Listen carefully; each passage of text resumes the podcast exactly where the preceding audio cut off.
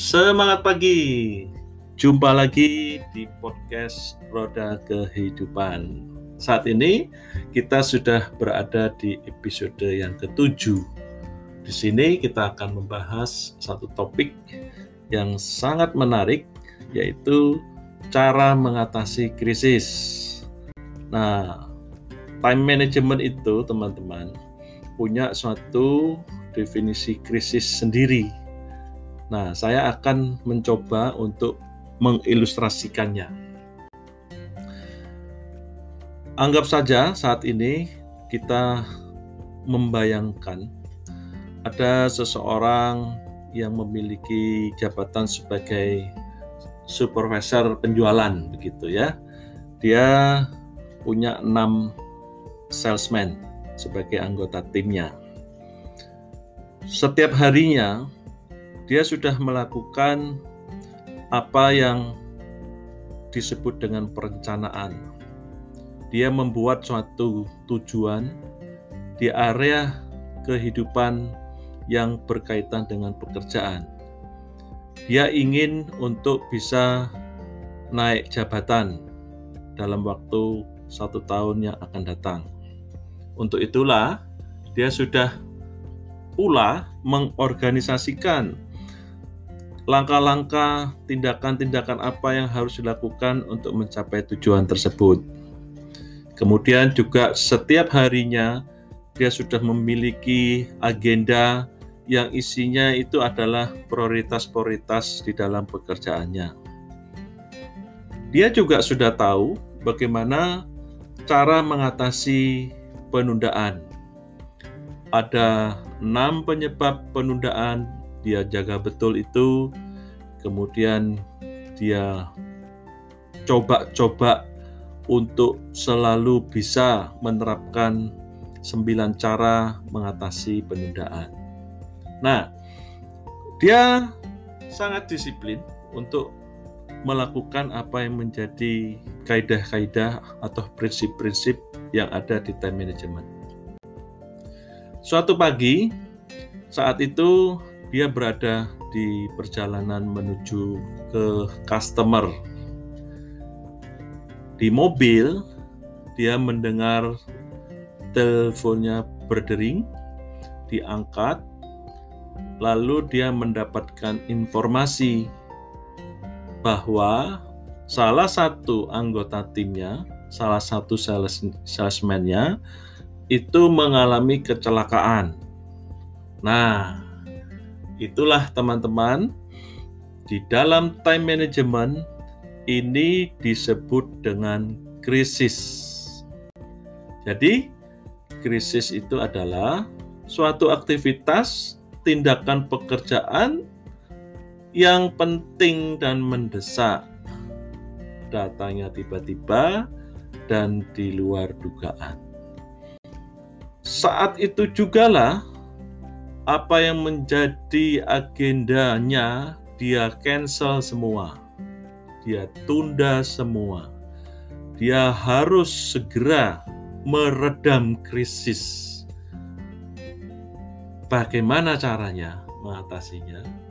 Maka di sini ada tips sederhana supaya mudah mengingatnya. Anda ingat kata siap bisa memanfaatkan kat pada saat dia menerima telepon, dia harus dapat mengetahui secara jelas apa yang terjadi. Dia memastikan siapa yang jadi korbannya. Apa apa peristiwanya? Mengapa kok terjadi? Di mana?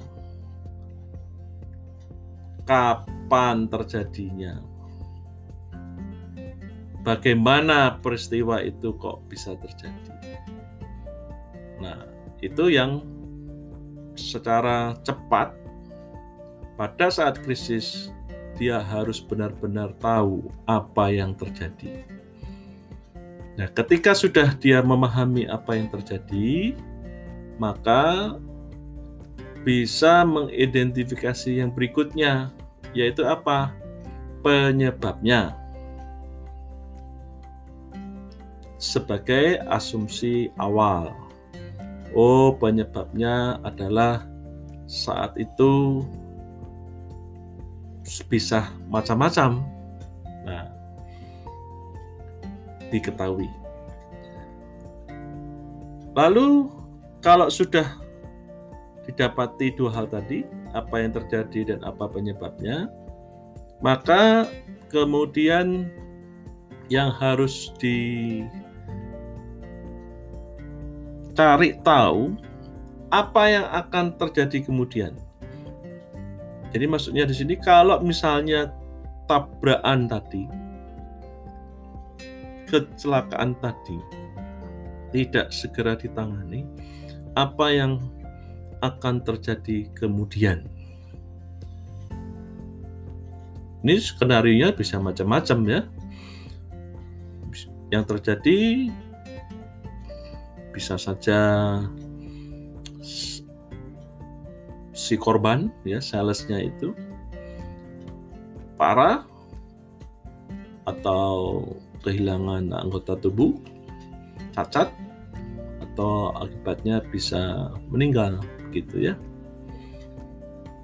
Lalu yang keempat itu adalah apa dampaknya? Kalau tidak segera ditangani, apa yang menjadi dampaknya?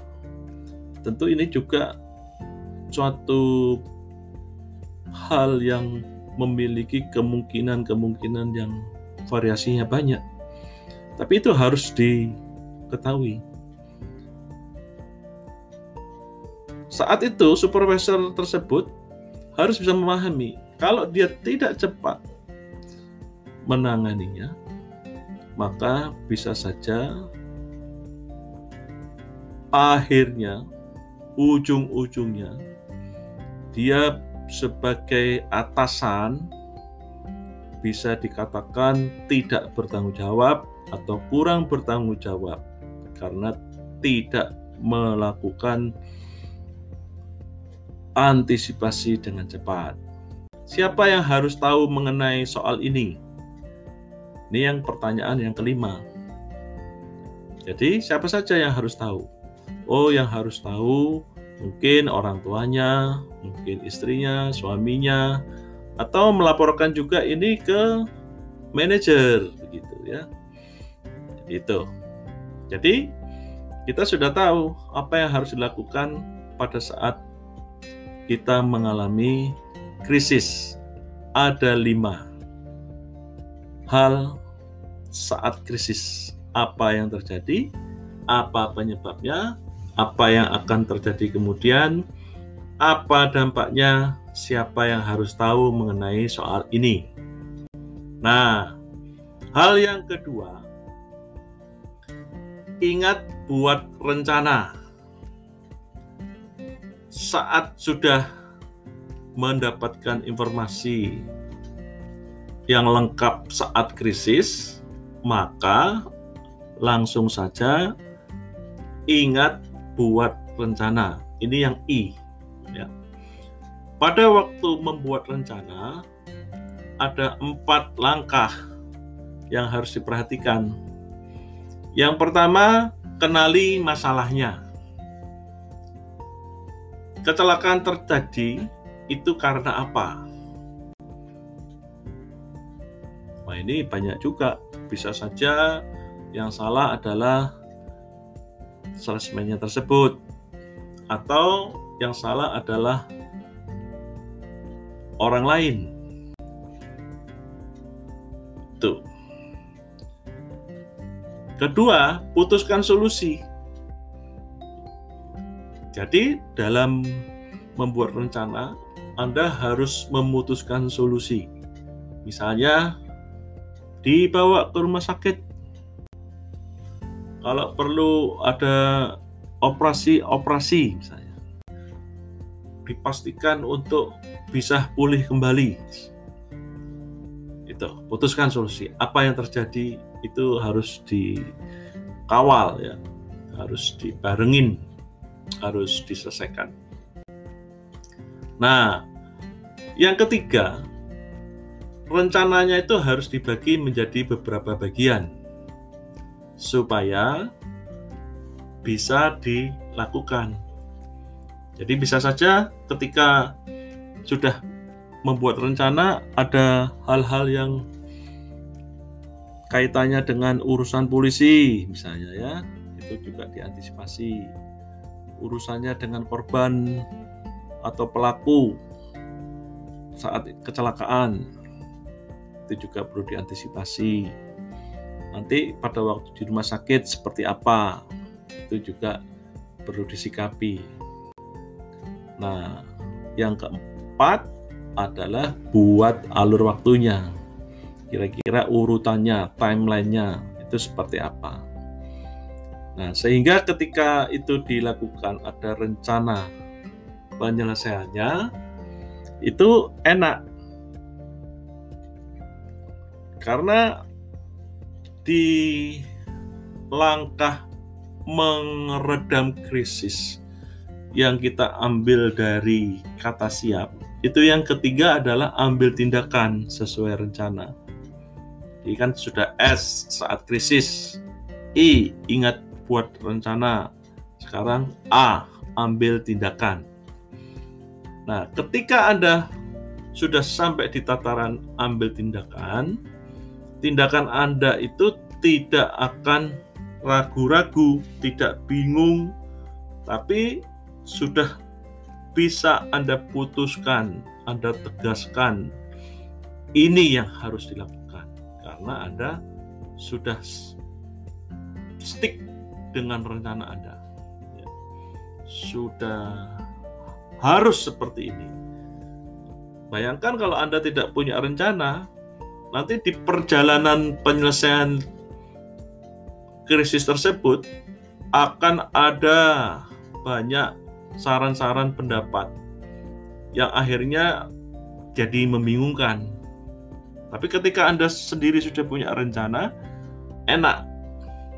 Anda tinggal menjalankan tindakan-tindakan itu sesuai dengan rencana. Dan rencana yang Anda bikin ini bukan rencana yang sembarangan. Karena apa? Anda sudah mengenali di langkah yang sebelumnya tadi. Nah, jadi yang ketiga ini sangat penting. Ada tiga hal yang harus diingat ketika mengambil tindakan sesuai rencana. Yaitu satu, kerjakan. Dan saat mengerjakan, evaluasi rencana kerjanya. Artinya ketika rencana kerja dibio, dibikin, ya, dibuat, lalu dibandingkan dengan saat realita rencana itu dieksekusi.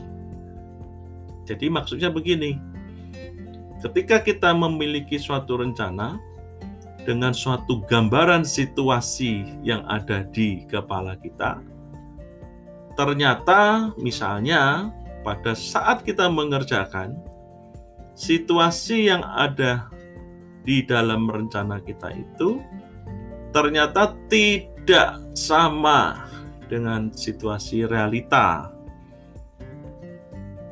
Nah, untuk itulah pada saat mengerjakan, Anda evaluasi juga rencana kerjanya.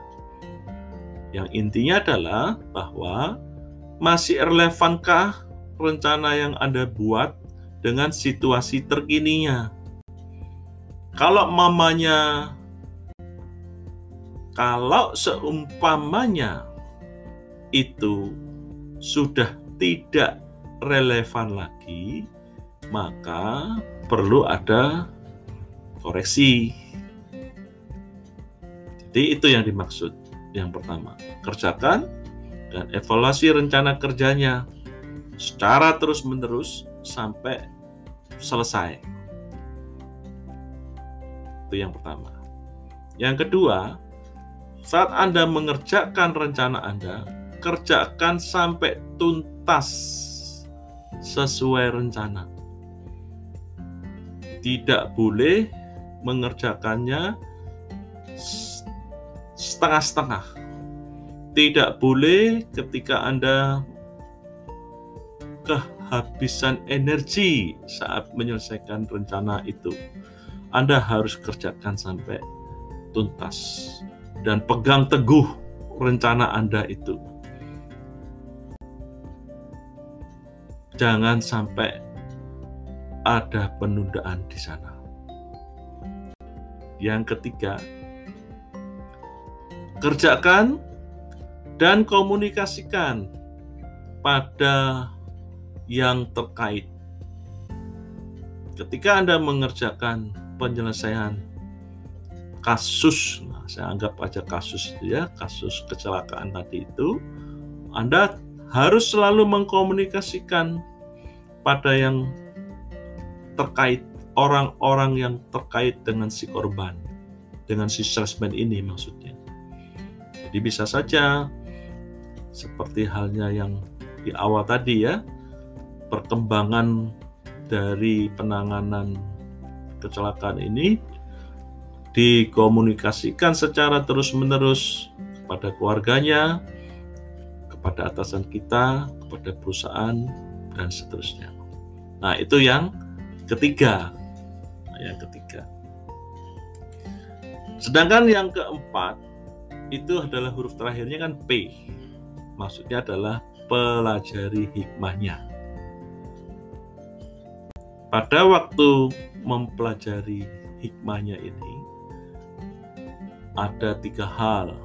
Yang pertama, mengapa ya kok bisa terjadi kecelakaan tersebut?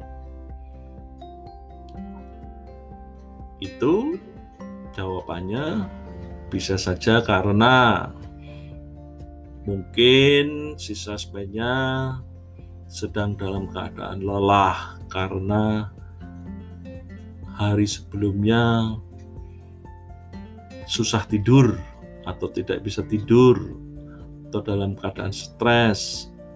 Banyak kemungkinannya. Bisa saja terjadi karena kecelakaan tersebut dikarenakan sepeda motornya itu mengalami gangguan. Bannya pecah misalnya begitu ya. Itu bisa saja. Itu yang harus dipikirkan setelah selesai kecelakaannya ditangani, maka itu yang harus dilakukan. Karena di dalam sebuah bisnis kita harus mewaspadai akan bahayanya, tapi mengenali kesempatannya. Kesempatannya itu kita harus kenali. Mengapa kok terjadi? Ya, anggap saja misalnya contohnya adalah karena ban dari sepeda motor salesman tersebut pecah